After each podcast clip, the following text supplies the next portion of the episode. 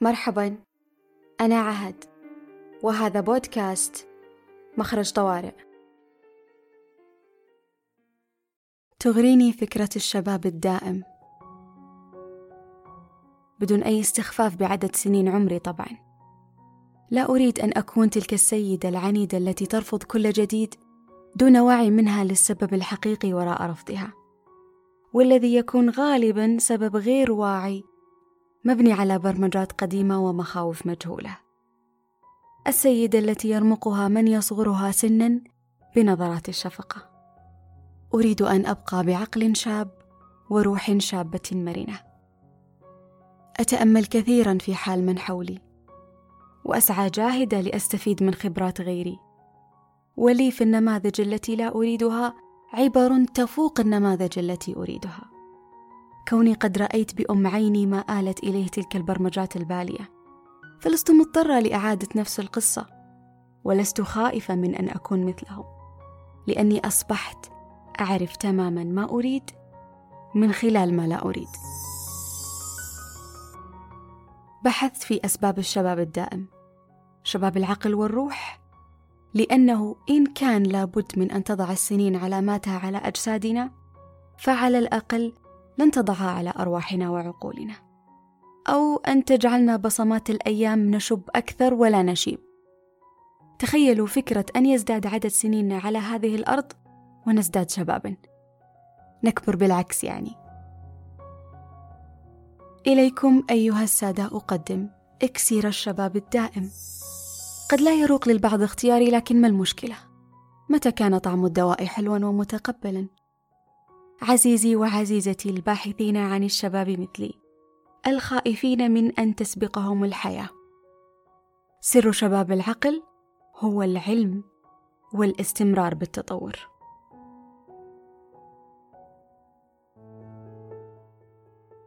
كل شيء في هذه الحياة له عمر ويبلى أو يصل إلى مرحلة لا يخدمنا وربما يؤخرنا.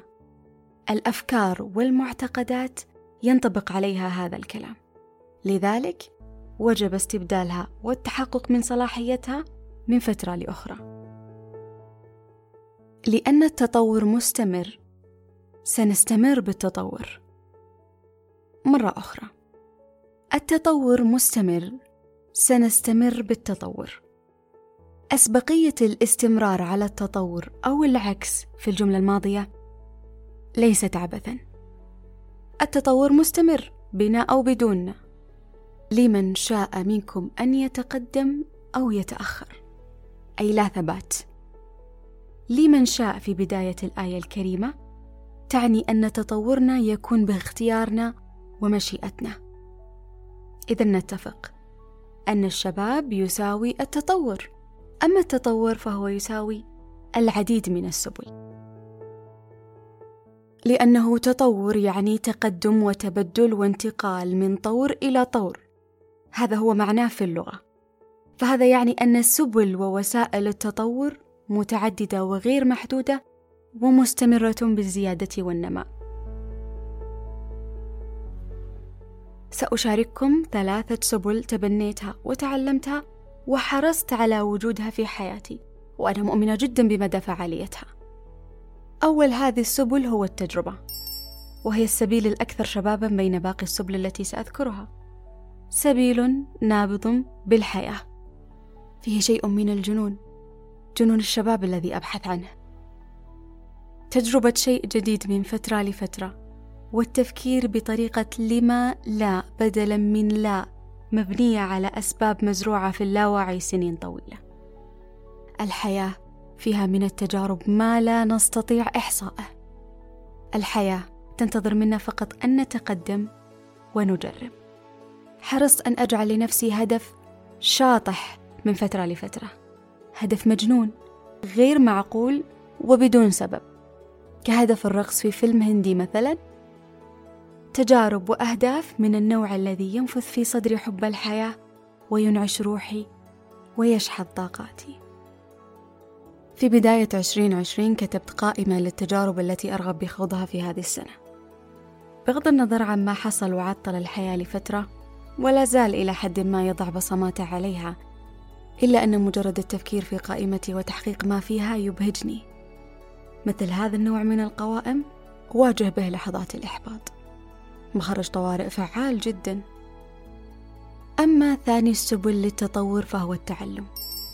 أيا كانت الوسيلة؟ وأيا كان نوع العلم. في صفوف الدراسة أو من مواقع الإنترنت وفيديوهات اليوتيوب تعلم الميكانيكا الطبخ الكيمياء البرمجة الخط التعلم الغير مرتبط بالدرجة العلمية والغير مرهون بما نحمله من وثائق. تعلم لأجل العلم والتطور. كم من طبيب مهتم بعلوم الفلك؟ وكم من محاسب محب للميكانيكا؟ وكم من ربة منزل مبدعة في التصميم؟ الأمر لا يتعلق بما نحمله من شهادات ووثائق بل بما تميل إليه نفوسنا. في اللحظة التي أغرق فيها في تفاصيل صنعتي الجديدة التي أتعلمها أجدني قد دخلت إلى عالم آخر عالم آني. في الآن أنساني ما يقلقني.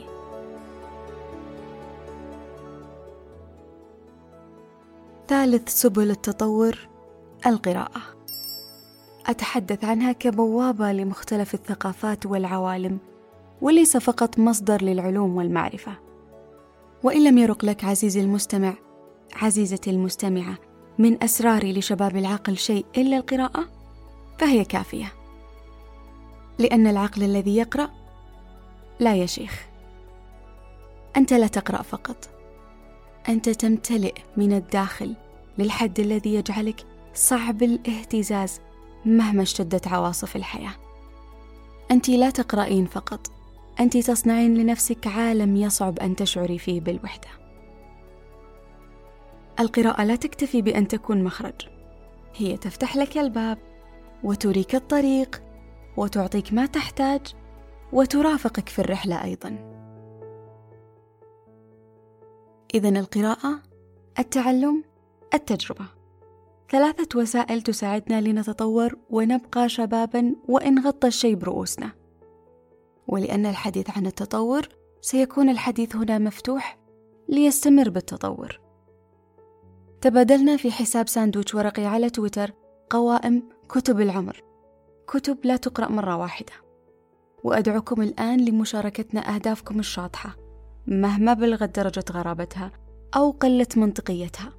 أوعدكم أني لن أتساءل عن الدافع ومن يدري ربما نتشارك تحقيق نفس الهدف. ختاما العمر تحدي مستمر لروحك. فإما أن تصدقه وتشيخ أو تغلبه وتظل شابا في أعماقك. في حفظ الله.